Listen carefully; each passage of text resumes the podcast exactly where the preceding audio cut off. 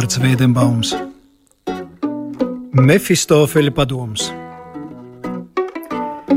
Draugs uz visas zemeslodes atrast nevar brīvības. Visur jādzīvo pēc modes, gudram visur laimējas, atstāj sapņus, dzenies tik pēc maizes. Būsi laimīgs, zudīs visas raizes. Daudz godīgu cilvēku pasaulē dzīvo, tie strādā kā skudras un rūpīgi krāja. Tie nolāda alu, tie nolāda sīvo un strādā un krāja līdz smiltis tos klāja. Daudz prātīgu cilvēku pasaulē dzīvo, tie manīgi citu pūliņus slauc, ar manšetēm baltām un apakli stīvo, tie pasaules drūzmākā valdnieki brauc.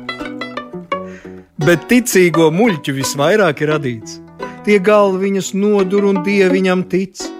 Tāds rokas laiza, kad sists tiek un badīts, un dieviņam pateic, kad piekrāp to cits. Un ārprātīgo ir ceturtā suga. Tiem žēl, ka viņu tik visai nedaudz. Pie sirds, kam ķer šī bēdu luga, kas muļķus pie gaismas, pie brīvības sauc.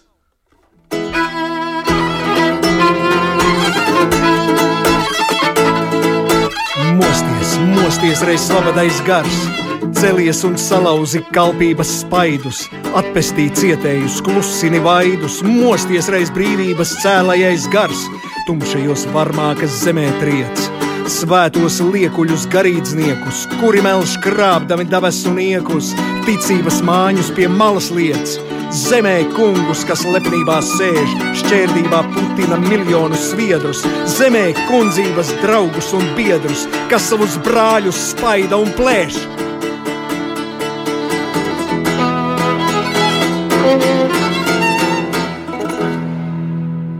Man veidenbaums ir simbols. Simbols jaunībai, simbols dumpinieciskumam un cīņai. Cīņai par taisnīgāku un vienlīdzīgāku pasauli. Veidenbaums ar savu dairadi un savu dzīves stāstu iedvesmo jauniešus jau paudzēm, iedvesmo tiem atrast sevi iekšējo veidenbaumu. Jo es ticu, ka katrā no jums ir daļa no veidenbauma. Tāpēc arī es vēlos būt daļa no viņa impulsa. Arī es vēlos palīdzēt citiem cilvēkiem, neļaut savam iekšējam jaunietim, savam iekšējam dumpiniekam un revolucionāram nomirt. Artūrs un Vilis Daudziņš, vairāk gaismas. Projekts, kas šovasar noslēdzās Edvards Veidenbauma memoriālajā muzejā Kalāči. Un šis projekts, par kuru runā kā veiksmīgu pavērsienu, kā muzeja var paplašināt savu darbības lauku. Šajā gadījumā runājot par jauniešu mentālo veselību, iepazīstinot viņus ar Edvardu Veidenbaumu dzimtu.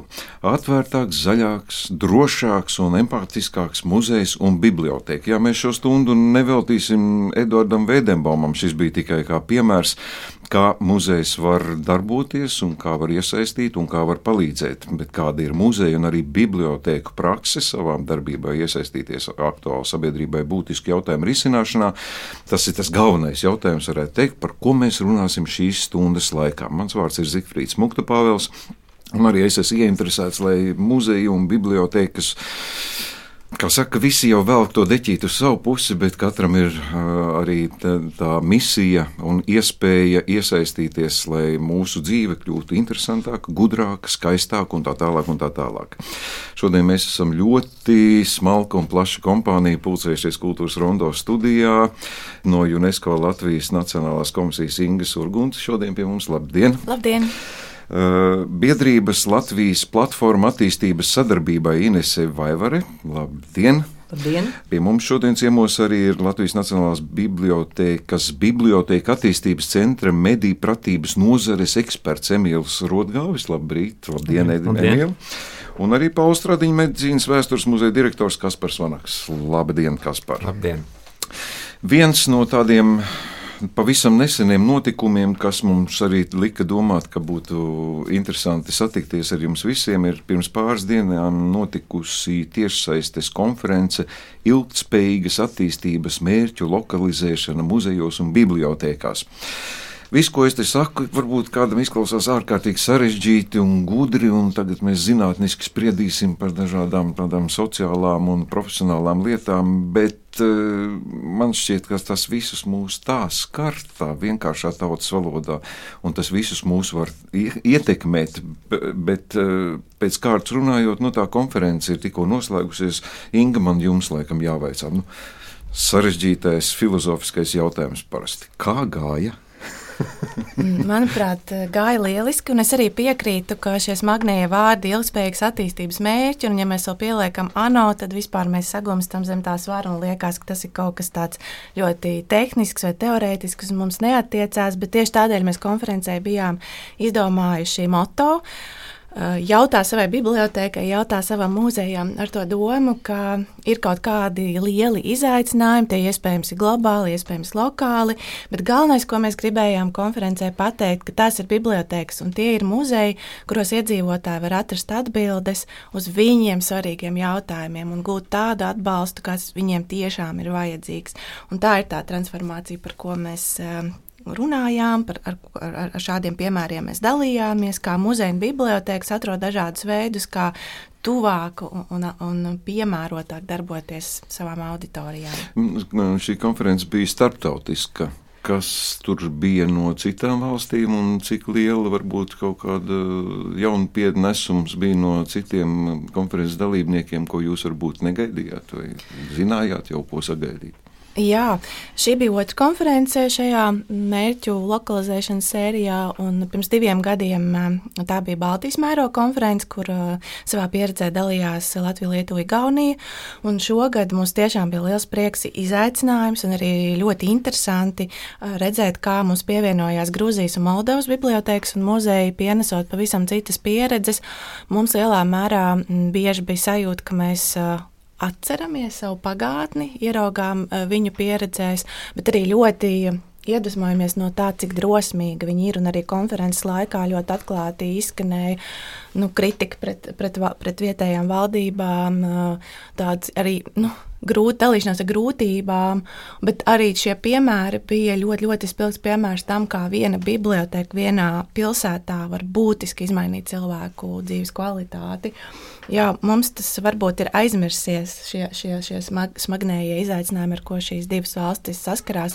Bet tajā pašā laikā mēs jutām arī to, ka mēs joprojām šajā reģionā ļoti labi saprotamies, jo mums ir līdzīga vēstures pieredze, līdzīga šī aktuālā ģeopolitiskā situācija, un jo īpaši konferences pēdējā daļā, kas bija vairāk veltīta noturībai, jau tādā nu, atklāta politiskā nozīmē, um, mēs ļoti novērtējam, liekas, visiem tas bija ļoti atbrīvojoši un svarīgi, ka mēs varējām runāt par aktuālu aktuālo politisko situāciju tik atklātā veidā, un mums nebija jāskaidrojas par ko, kāpēc, kas mūs biedē, kas ir mūsu izaicinājumi. Mēs bijām tā teikt, visu uz vienas lapas, un to šī jaunā partnerība iedod. Pēc jūsu teiktā, es sapratu, ka Grūzija un Moldova sastopās ar tām problēmām, kuras mēs esam jau pārvarējuši un tikuši ar tām galā. Savā ziņā, jā, ja mēs runājam par ekonomisko pusi, jo, protams, ka redzēt, ka Grūzijas kolēģi ar prieku rāda projektus, kuros uh, bibliotekās beidzot ir internets un, uh, un uh, pilsētas ārsts var atnākt uz bibliotēku, atrast kādu viņam nepieciešamu informāciju vai izdrukāt pat nosūtījums vai receptes. Mums tas tā ir tāda piemirsta pieredze, tas prieks par internetu, kurš beidzot ir, tev tikai jāaiziet uz bibliotēku. Bet um, savukārt šī politiskā puse, es domāju, mums visiem ir ļoti līdzīga. Darbs ar krievlodīgo kopienām, ar, ar mediju pratību, ar dezinformāciju. Tur uh, es neteiktu, ka mēs esam um, stipri atšķirīgās situācijās. Varētu pat teikt, ka viņi saskaroties ar to daudz lielākos un draudīgākos apmēros arī drosmīgāk darbojas un iedvesmo mūs tādā veidā. Mhm. Ines, jūs ļoti aktīvi mājat galvu visam piekrītot, uh, ko jūs guvāt no šīs konferences, vai jums ir arī arī kādas pārdomas saistībā ar savu darbu? Jā, es uh, māju ar galvu uh, Ingai par uh, drosmi. Jo, manuprāt, tas, ko mēs varam ieraudzīt mūsu Grūzijas un Moldovas kolēģos, ir spēja atklātāk un drosmīgāk runāt par lietām, par kurām varbūt mēs patiešām esam piemirsuši. Tāpat arī uh, spēja iziet ārā no tādas uh, institucionālas komforta zonas, kas ir mūsu funkcijas, bet reaģēt uz to, ko patiešām vietējai kopienai un šai lokālajai sabiedrībai vajag.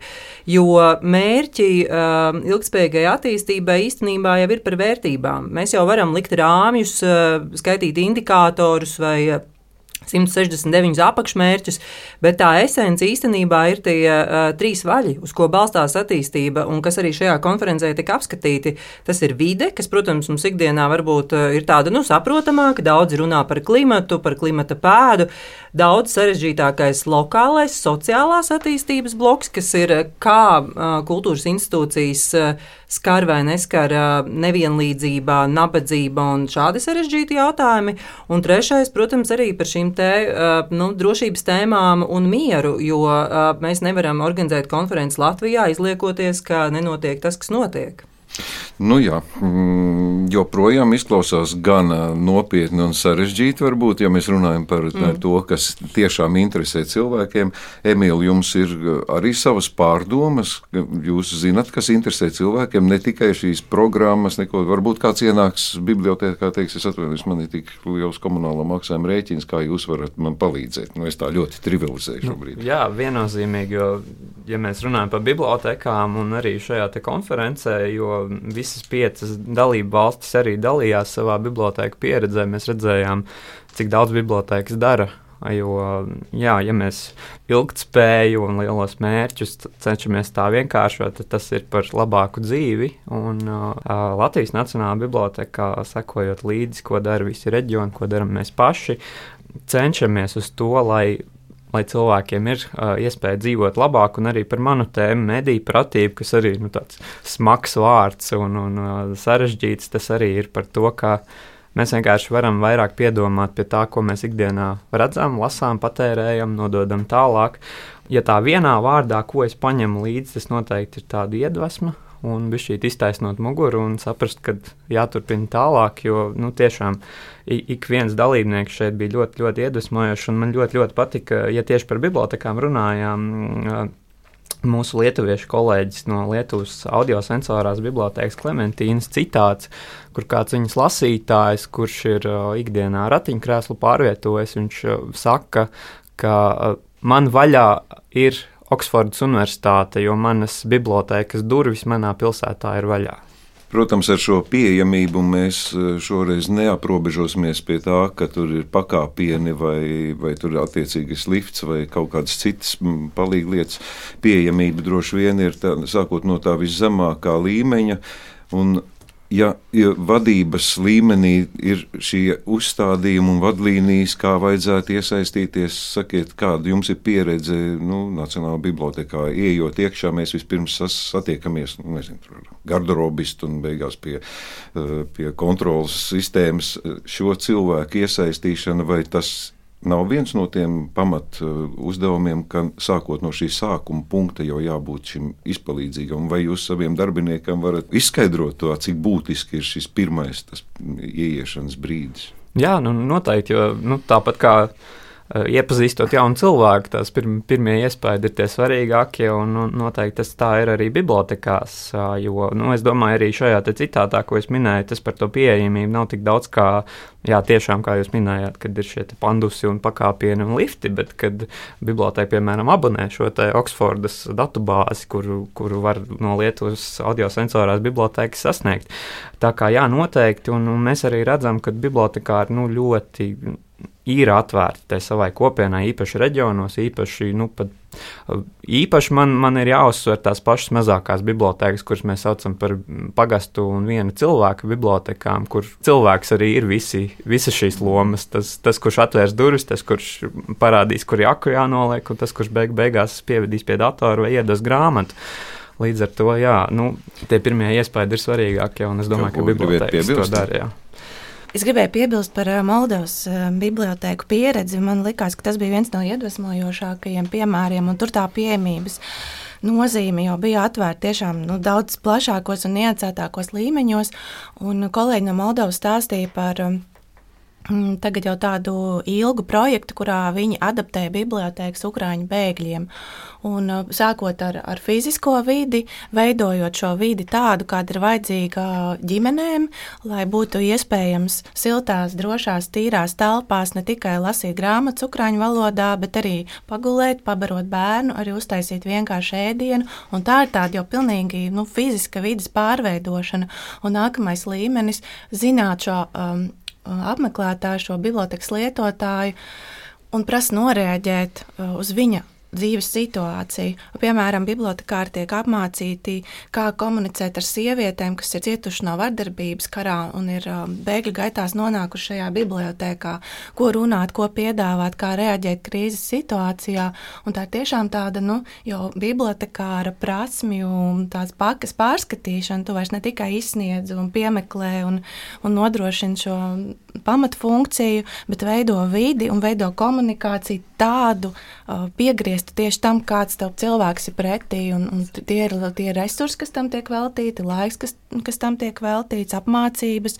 Un man liekas, tas bija viens no jaudīgākajiem piemēriem, kā bibliotēkas pārto par, par, par drošām vietām, kurās cilvēks saņem tieši to, kas viņam ir vajadzīgs. Man liekas, ka ļoti svarīgi ir, ka mēs konferencē runājām arī par to, ka šai bibliotēku transformācijai vai muzeju ir arī jābūt robežām. Jo bibliotekārs ir tieši tāds pats cilvēks kā visi citi. Un, jā, biblioteka jau sāk sniegt bērnu pieskatīšanas pakalpojumus, jo, protams, viņi varbūt Pakistānā nav pieejami. Tad tomēr beigās jau jautājums ir, nu, kam šī institūcija vispār ir domāta. Un arī bibliotekārs saskars ar šo muzeja darbinieku, ar šo izdegšanu un pārstrādāšanos. Tā kā droši vien tendence ir pozitīva pozitīva, bet ir jādomā arī racionāli, ko tas nozīmē bibliotekāriem kā cilvēkiem. Mm -hmm. Kas par vēl neesam iesaistījuši jūsu sarunā, un es atklāšu, kāpēc mēs jūs šodien aicinājām. Jo personīgi man ir radies tāds iespējas, ka, nu, kā mēs zinām, no cilvēka, no personības ir ļoti daudz kas atkarīgs satiekot jūs un padomājot par jums, tad man, man ir palicis tāds iespējas, nu, ja man dzīvē ies slikti, tad es pie jums varu vērsties ne tikai kā pie muzeja vadītāja, bet ir cilvēciski, un es nu, vienmēr atradīšu sev dzirdīgas ausis un redzīgas acis, un palīdzību varbūt patiešām visprastākajos jautājumos un domās. Sakiet, lūdzu, kā jūs sev formulējat, kā man ir jāuzvedās kā muzeja vadītājam, kāda man jābūt attiecībā uz sabiedrību, vai tiešām jūs esat atvērts tāpat kā jūs visi pakļautībā esošie darbinieki, nu, visnegaidītākajiem pavērsieniem. Ienāk putinists, piemēram, jūsu muzejā. Ko Jā. jūs viņam varat palīdzēt? Nu, pirmkārt, milzīgs paldies par, par labajiem iedrošinājušiem vārdiem. Es varētu sev kā attaisnojošu iemeslu minēt, varbūt, ka es nāku no tās paudzes, kas uh, ienāca kultūras uh, vidē 90. gadu vidū, kas bija sociāli ļoti smags un grūts.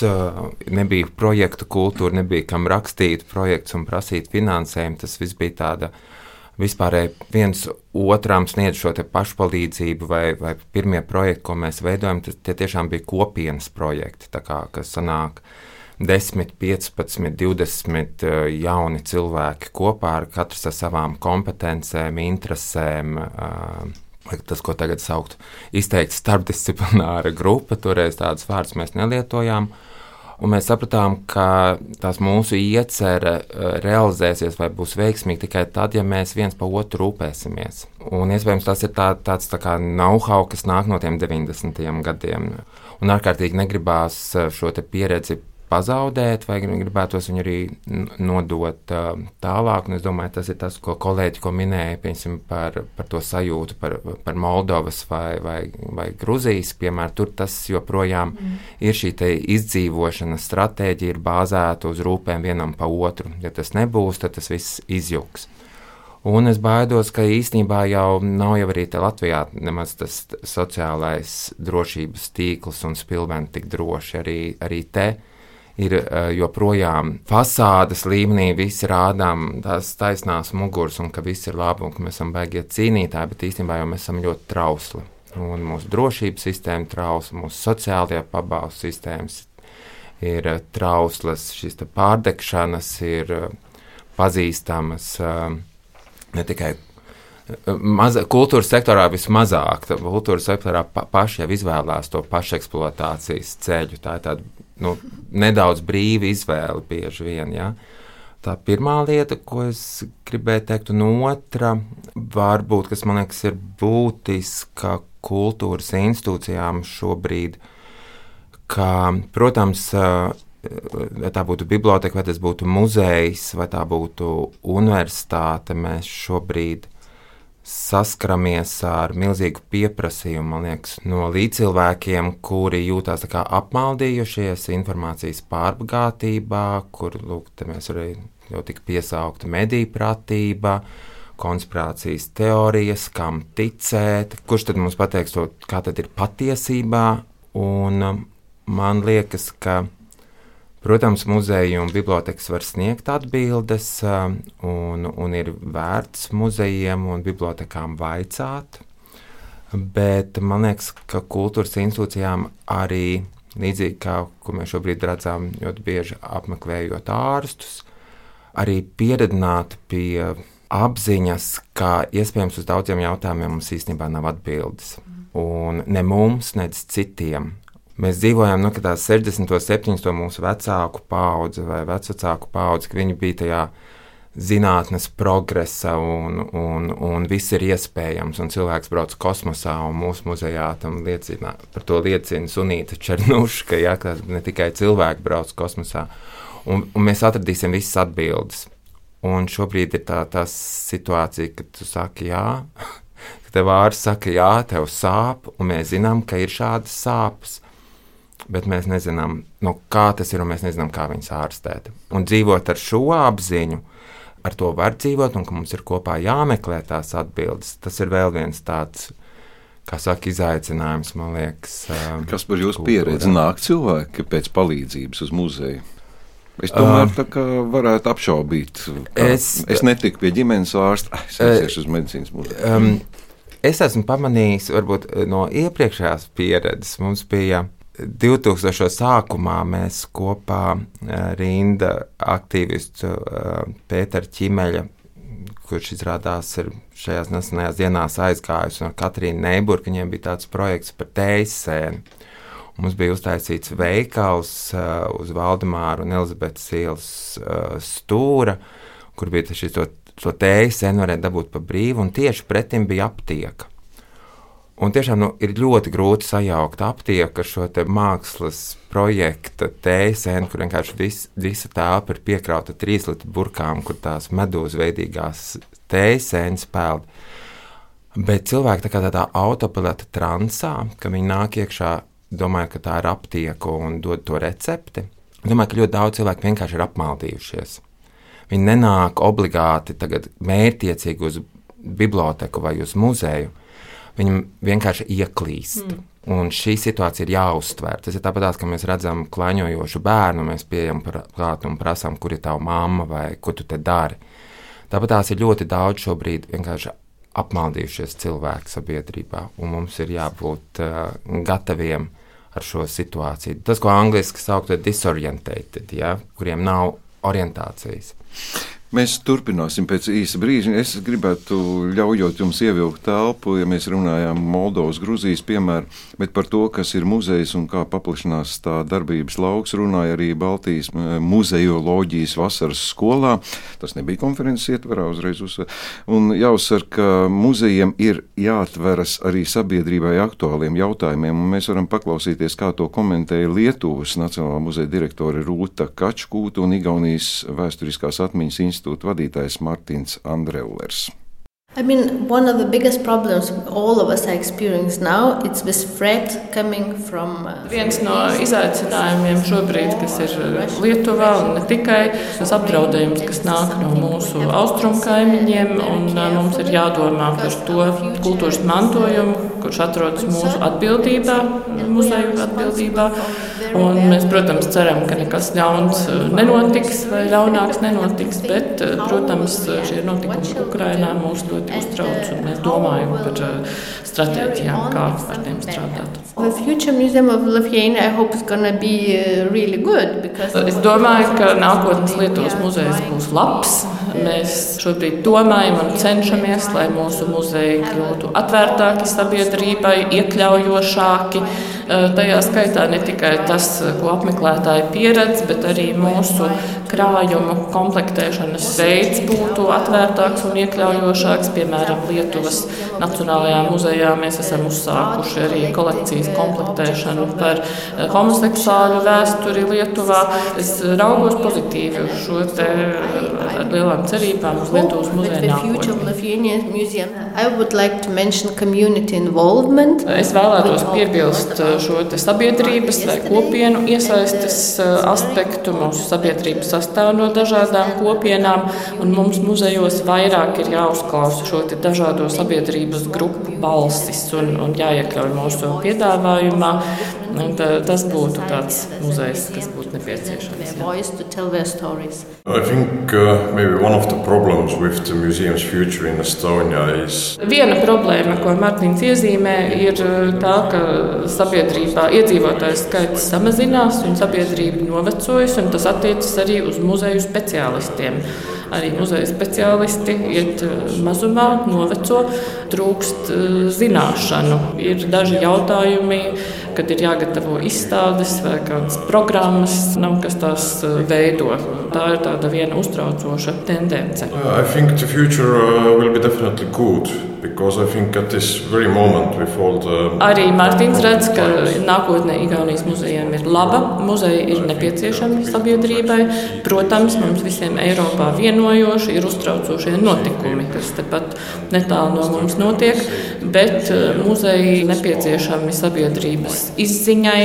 Mēs Igaunijā sakām pat, ka muzeji ir tā kā spā cilvēkiem, savu veidu emocionālas spā vietas vai droši patvērumi, eh, kur var droši apmainīties domām, uzzināt eh, sev nepieciešamo informāciju, satikties ar domu biedriem. Šķiet, ka šī nepieciešamība tikai turpināsies, un, un to arī Gaunijas muzeja mēģinās sniegt. By the society to kind of like stay strong and together.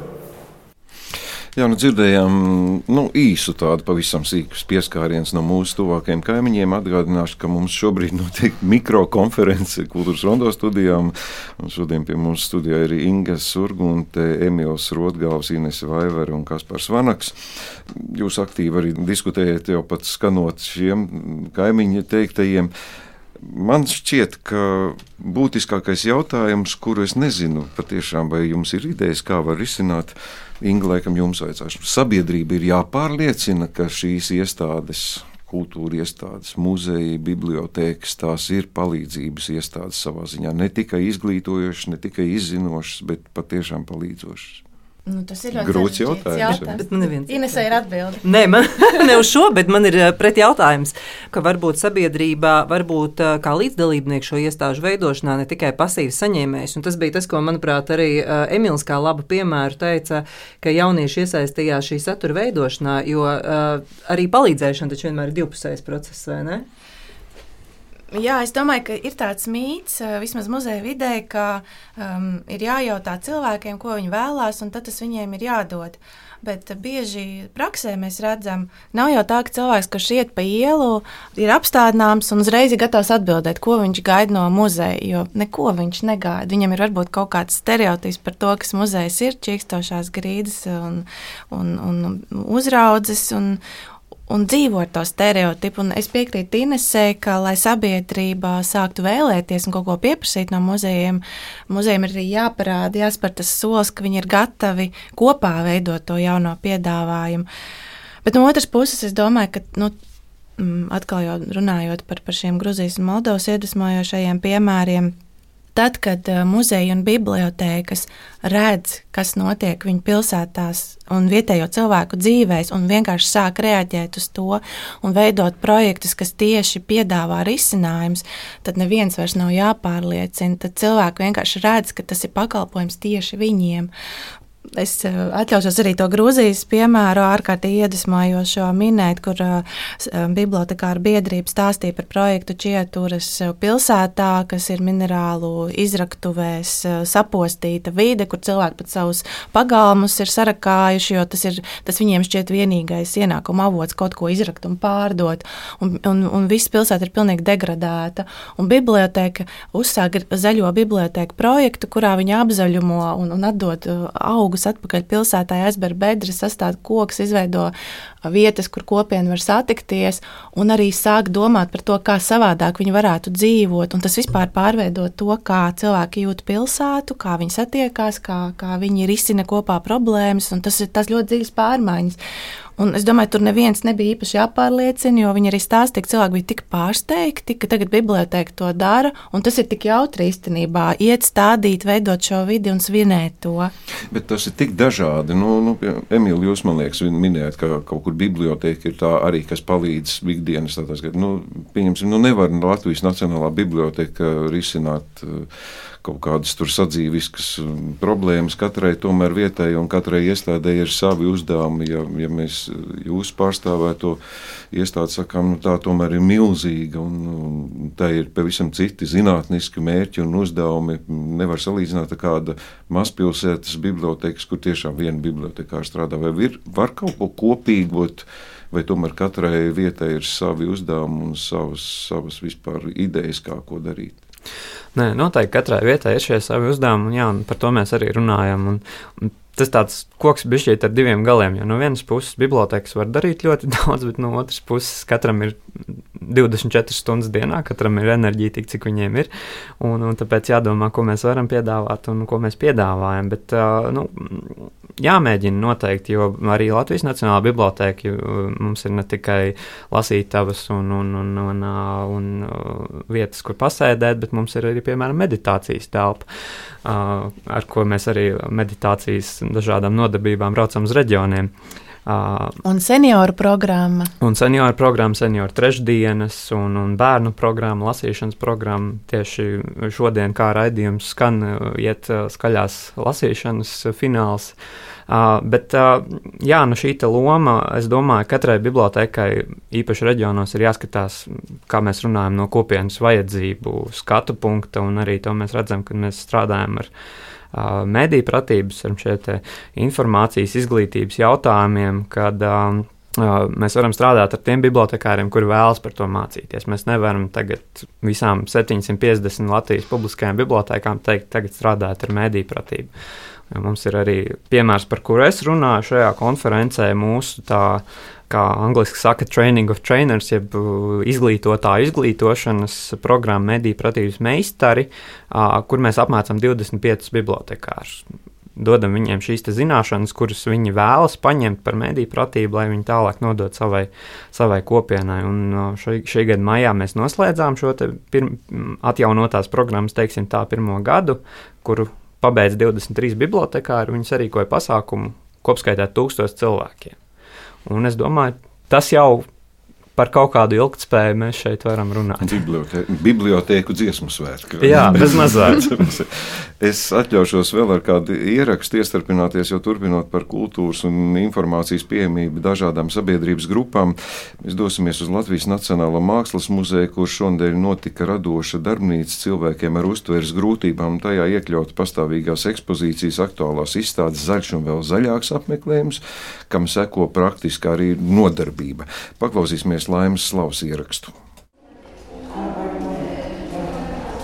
Esmu muzejā, kad neliela grupa no sociālās aprūpes centra Ezerkrasti un no rehabilitācijas un aprūpes centra Saule kopā ar mākslas zinātnieci Ievu Rosni muzeja pastāvīgās ekspozīcijas zālēs aplūko gleznas, īpaši pakavējoties pie ainavām. Šīs gleznas, kurās mākslinieki ir attēlojuši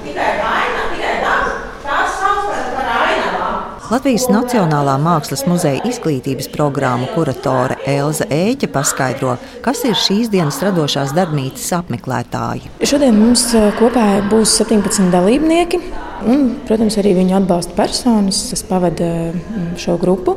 Tas mūsu secinājums ir tāds, ka nu, šis ir ļoti optimāls izmērs, lai varētu nu, teiksim, gan šī te ekskursijas daļa noritēt bez nu, tā, tā, tā, teiksim, tā nesteidzīga un visai grupai esot kopā, gan arī pēc tam praktiskā daļa. Jo tur tomēr ir mākslinieks, kas nu, līdz ar to var, var pagūt, padarboties ar katru no dalībniekiem. Un, un, un, lai kopējais tas nodarbības garums nebūtu pārāk nogurdinošs. Jā, ierasti pastāvīgajā ekspozīcijā ir daļa no šīs apskates, un pēc tam tālāk dodas uz kādu no aktuālajām izstādēm. Šajā gadījumā uz izstādes zaļš un vēl zaļāks. Izstādes mākslinieckās koncepcijas autors Artūrs Anāls kopā ar izstādes kuratori Lauru Draunieci sniedz nelielu ieskatu izstādē, pievēršot uzmanību spilgti zaļajiem kokiem. Šeit mēs uh, izveidojām tādu mākslas dārgu, uz kur var droši apsēsties, var pieskarties. Un tie ir 14 koki, kas ir nokrituši vētrā Rīgas mežos. Un tie ir dažādi koki. Un mēs viņiem atstājām tādus aplīšus, nenokrāsotus, kur katrs var apskatīties uz to mizu. Katram kokam dažāda miza. Un, teiksim, šī ir ieva, tas ir melnācis, kas sēž uz liepas. Tas ir pīlādes. Koku šķirnes rada interesi, un gandrīz katrs pieskaras, apsēžas vai ko pajautā. Tikmēr Ieva Rosne, kura vada ekskursiju un ir iekļaujošo otrdienu iniciatore, uzsver radošo darbnīcu nozīmi cilvēkiem ar uztveres traucējumiem. Svarīgi, manuprāt, ir tas, ka mēs dodam iespēju cilvēkiem, kuri ir nu, tādā ļoti sociāli nelabvēlīgā situācijā, apmeklēt muzeju un viņiem ērtā un pieejamā un saprotamā veidā ka viņi var, gluži kā jebkurš no mums, baudīt mākslu un piedalīties arī radošajās darbnīcās. Man pašai ir pieredze nu, jau vairākus gadus, jāsaka tā, jo man pašai ir dēls ar smagiem garīgi rakstura traucējumiem, ar intelektuālās attīstības traucējumiem. Un tad vienkārši tas arī, nu, kā, pateicoties Kristānam, arī es uzsāku solīt pa solītiem, vienkārši komunicējot ar šiem cilvēkiem, arī nu, saprotu, nu, varbūt, kas viņus interesē, kas mazāk interesē. Nu, tā kaut kā. Ievai Rosnei ir gan mākslas zinātnieces, gan dizaineris izglītība. Studējot funkcionālo dizainu, izveidojusi nodarbinātības platformu Paveo. Cik man nu, Kristēnam ir 23 gadi, kad es uzsāku šo projektu, un viņš beidza skolu. Viņam vienkārši nu, viņam 24, 7 laika mājās visu laiku, jo nav ko darīt. Es saprotu, ka tā problēma ir ārkārtīgi plaša. Jo Latvijā tāda cilvēka kā Kristēns ir vairāk kā 30 tūkstoši. Līdz ar to es viņu maģistra darbu ietvaros sāku risināt un izveidoju nodarbinātības platformu Paveo. Un tad arī šajā procesa laikā es sapratu, ka Latvijas sabiedrībā kā tādā, ka mums joprojām vada ārkārtīgi liela aizspriedumi un bailes un neziņa, kā komunicēt arī ar šiem cilvēkiem. Un līdz ar to arī radās šis iekļaujošo otrdienu cikls. Sākumā tās pirmās divas reizes bija sadarbībā arī ar Latvijas Laikmatīgās mākslas centru, un tagad mēs Rīgas domas līdzfinansējums. Un tad, jā, piecas nodarbības šobrīd ir. Es ļoti pateicīga arī, protams, tas, māksliniekiem par to, ka viņi piekrita, arī muzejam par, par atsaucību un, un līdzdarbību. Man šķiet, ka tas process tāds ļoti tāds labs. Man tā šķiet, ka katrs no viņiem ir kaut kāds nu, iegūst kaut ko. Tad visiem jāmēro ceļš no 4. stāva uz nodarbību telpu 1. stāvā. Daļa dodas uz liftu, citi izmanto kāpnes. Vadīt radošo nodarbību gatavs Artūrs Sanāls. Es esmu priecīgs, ka nāk eh, cilvēki, eh, jo tā izstāde nav tikai bērniem, tas ir gan pieaugušiem un, un visiem pārējiem. Un šeit nodarbībā, kā jūs risināsiet šo procesu? Mēs uzdosim uzdevumu no pārstrādātiem materiāliem, kas ir pārstrādāts pudeles, pudeļu granulas, plasmasas granulas, izveidot savu ainavu. Katrs varēs veidot, līmēt, lipināt ainavu, kas ir savā ziņā arī ekoloģiska. Kamēr visi radoši darbojas, uzklausa sociālās aprūpes centra ezerkrasta interešu pulciņu audzinātāju Ilzi Vidausku. Tā ir arī mana pārliecība, ka katram cilvēkam, jebkuram nu, sirsniņā kaut kas paliek tie iespaidi un tā tālāk. Arī jūs dzirdējat, kā es šeit teicu, ja nav doma, ko darīt radošajā darbnīcā, atcerieties, ko mēs redzējām, kādu gleznu, kādu krāsu. Un es domāju, ka šīs krāsas un Un arī vecmeistaru darbi arī mūsu cilvēkus uzrunā. Mēs esam ļoti priecīgi. Un tiešām šī iešana cilvēkos, sabiedrībā, tas arī veido mūsu klientus ja, par sabiedrības locekļiem, kā būt, kā uzvesties, kas ir muzejs, kā sarunāties, kā komunicēt ja, un tā tālāk. Jo mēs arī pēc muzeja mēģinam arī ar viņiem pārunāt, kas tev ir palicis prātā, ja, ko tu atceries no tā Jo tā nav tikai tā kā izklaide, nu, kad mēs braucam, bet arī to, kas tev ir palicis prātā. Ja man kāds man pasaka, ja es redzēju zirgu, vai es redzēju putniņu, vai kaut ko tādu, nu, tam, ir, tam es uzskatu, ir jēga. Un es domāju, ka katru reizi tāds pilieniņš pie pilieniņa, šie iespaidi, šī socializācija, ja, viņus nu, iekļauj sabiedrībā. Un arī varbūt sabiedrība ierauga arī viņus. Kultūras rondo. Jā, nu, tāds viens no piemēriem, klausoties to, ko jūs runājat, tad, kad ir ieslēgti mikrofoni, un to, ko jūs runājat, kad ir izslēgti mikrofoni, es jūtu nelielu disonanci. Atzīšos, žēl, ka klausītāji to nedzird. Kas par pie tā teiktā, pie ieslēgtiem mikrofoniem, man pārņem sajūta, ka mēs vispār esam ļoti labā situācijā. Mums viss ir sakārtots, mums notiek, mums ir konferences, programmas, ieinteresēti cilvēki Mm, nav milzīgas naudas plūsmas. Vai tas atbilst patiesībai, vai ir problēmas, kas tomēr ir jārisina un vajadzētu uzlabot?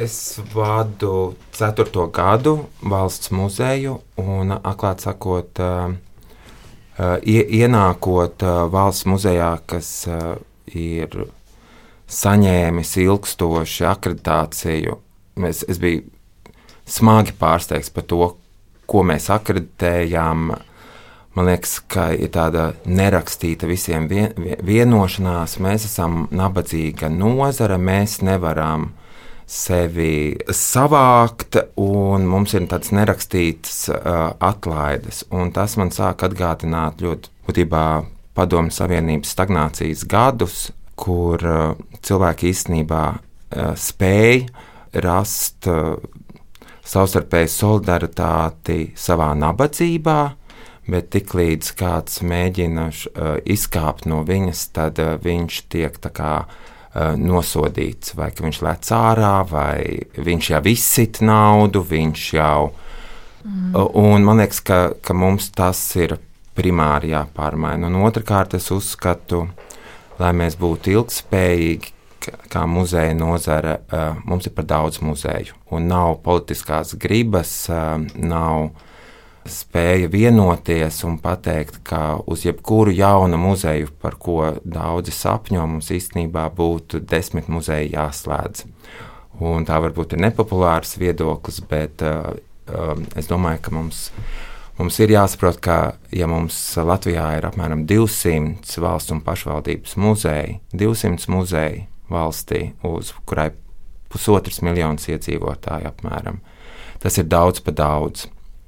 Tāpēc, ka mēs vienkārši nevaram uh, visiem šiem muzeja darbiniekiem uh, cilvēku cienīgu atalgojumu nodrošināt. Viņš vienkārši nebūs. Mēs varam cīnīties, mēs varam teikt, viņš vienkārši nebūs. Un, un līdz ar to uh, profesionālais līmenis ļoti strauji iet uz leju, vai viņš jau sen ir nogājis uz leju. Un, lai to reformētu, tam, protams, vajag milzīgas investīcijas, un viņas nebūs. Un es domāju, ka mums ir vai nu Ir muzejiem, kas pāriet pie kopienu rūpē, un viņi nav akreditēti, viņi ir vienkārši kopienu centri, un cilvēki dara, kā viņi māk. Un tad ir savukārt uh, noteikts daudzums muzeju, kas ir akreditēti, kas saņem valsts finansējumu un veids uh, viņu kā, nolikumos un stratēģijās paredzētos uzdevumu. Es saprotu, jā, es e, jūtu e, jūsu nepopulārais teiktais šobrīd krata galvas mūsu klausītāji, mm. bet māja ar galvām studijā klātesošie, tā kā ir vērts par to aizdomāties. Emīl, man jums arī jāveicā, nu, kas ir tie uzdevumi, vai tomēr nav tā, ka esat ļoti pašapmierināti, jo no malas izskatās, ka viss iet ļoti raiti. Nē, nu, ja runā tieši par to manu pārstāvēto, jo mediju pratība, nu, tur vienmēr būs pilns rokas, īpaši šajā laikā, kad mēs tikko vienu krīzi, kas ir Covid, esam pārdzīvojuši, un tagad mēs jau esam uzreiz mm, situāciju piespieduši dzīvot nākamajā realitātē, kas ir karš Ukrainā šobrīd vispār, nu, varbūt tā no malas var, var brīžiem izskatīties, ka mēs daudz darām un, un viss notiek, bet nu, tajā pašā laikā, skatoties nākotnē, ir tāds zināms satraukums tieši man, kā nu, šim cilvēkam, kurš strādā ar to informācijas izglītošanu. Mums tepat aiz horizonta jau gandrīz pa durvīm ir iekāpis mākslīgais intelekts, mums uh, populisms ik pa laikam tā uzpeld un pazūd, uzpeld un pazūd, un, un tas ļoti ietekmē cilvēkus. Līdz ar to nu, ir ļoti sarežģīti turēt vienmēr roku uz pulsa arī varbūt man. Kā pārstāvim šajā jomā, līdz ar to um, dažreiz bibliotekāram mēs pat um, varbūt tā neapskaužam, kad ienāk, jā, kā teica, varbūt nezinu, putinists vai, vai cilvēks, kurš tiešām tic kaut kādām vaiprātīgām teorijām, tagad bibliotekāram ar to jātiek galā. Uh, Līdz ar to nu, par, šo, par šo jautājumu mums ir ļoti jādomā, bet nu, tas, tas vienmēr ir lielais jautājums par to, kā mēs pielāgojamies situācijai, vairāk nekā par to, kā mēs kaut ko varam paredzēt iepriekš. Situācijas mainīsies, būsim droši, bezgalīgi. Vai Inese, jums ir kaut kas piebilstams pie tā? Vai ir problēma, vai mēs attīstāmies nu, pietiekami labi, mēs protam pielāgoties situācijai un gal galā vai sabiedrība uh, saprot to, ko mēs varam darīt, varbūt, lai sabiedrība vairāk vērstos pie muzejiem, bibliotekām. Skaidrs ir tas, ka mums ir visiem zināmas konkrētas problēmas, kā piemēram sabiedrības nevienlīdzība, kas arī te ir skarta ļoti liela, tā skaitā reģionu nevienlīdzība, kas noteikti ietekmē, kā mēs jau te jūtam to dimensiju, kas notiek Rīgas lielajos muzejos, kas notiek reģionos. Bet um, tas, ko es gribēju teikt, uh, es gribēju teikt, ka tas ir stāsts tiešām arī par šo domāšanas maiņu, un es mazliet gribu rezonēt uz to iztaisnoto muguru. Un, uh, tas uh, ilgspēja īstenībā ir stāsts par sevi kā par saimnieku, par saimnieku savai nākotnē, par saimnieku par savu valsti, un man liekas, tas ir tas, ko mēs šobrīd pēdējā laikā arvien vairāk domājam. Uh, un tas nav tikai par sajūtu, ka man kaut kas pietrūkst, man ir grūti un kā man ar to tikt galā, bet arī par to, kā es ieraugu risinājumus nākotnē un arī tajās neskaidrajās situācijās. Jo droši vien mums jāmācās ir savādāk domāt, savādāk dzīvot. Ir labi, ka ir muzeji un bibliotekas kā tādi, nu, jā, es teiktu, pārmaiņu veidotāji, jo nedaudzi tā domā un nedaudzi tā dara. Tā kā man tiešām ir prieks, ka, ka mums ir tādi labi piemēri šobrīd. Es gribēju arī uh, Emīlu papildināt uh, teiktajā par situācijas maiņu vai kontekstu, kurā piemēram bibliotekas un, un muzeji un es domāju, vispār kultūras nu, nozare atrodas. Proti, ka jaunā paudze lielā daudzumā šobrīd arvien vairāk patērē ārzemju kultūras produktus, vai tas būtu straumēšanas platformas. Netflix, Spotify, podkāsti, un viņi ir ārkārtīgi augstā kvalitātē un viņi zina, kā darboties šajā uzmanības ekonomikas apstākļos.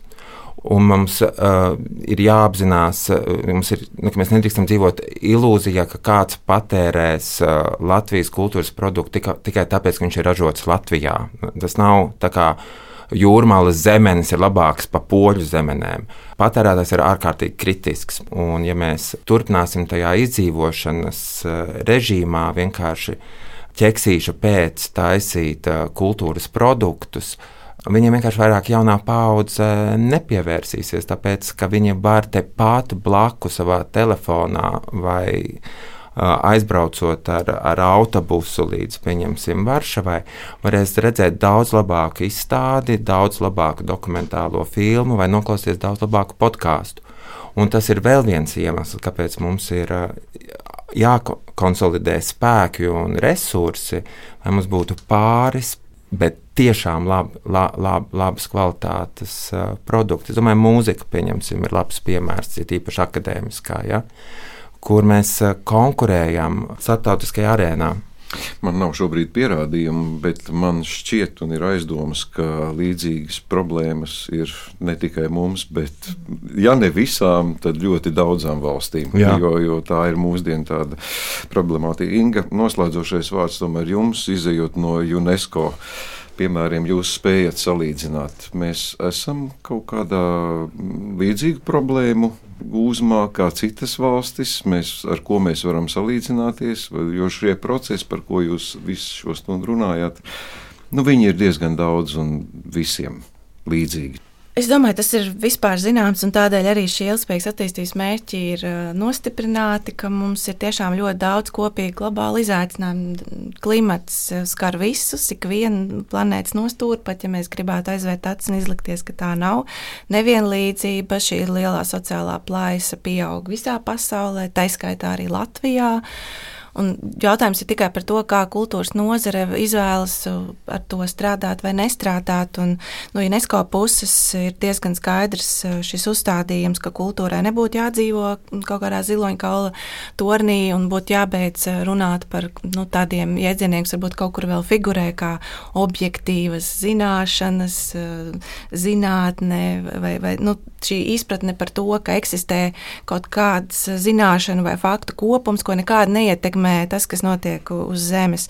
Es domāju, nu, UNESCO ir, ir, ir diezgan skaidri paudis jau kopš tā dibināšanas laika, ka kultūrai ir jābūt atbilstošai un jūtīgai pret to, kas, kas notiek. Un muzejos un bibliotekās man šķiet, arī visā pasaulē notiek šis līdzīgais process, un ir bijusi šī kampaņa, kas sākās ASV. Muzeja nav neitrāla, un tas nav iespējams.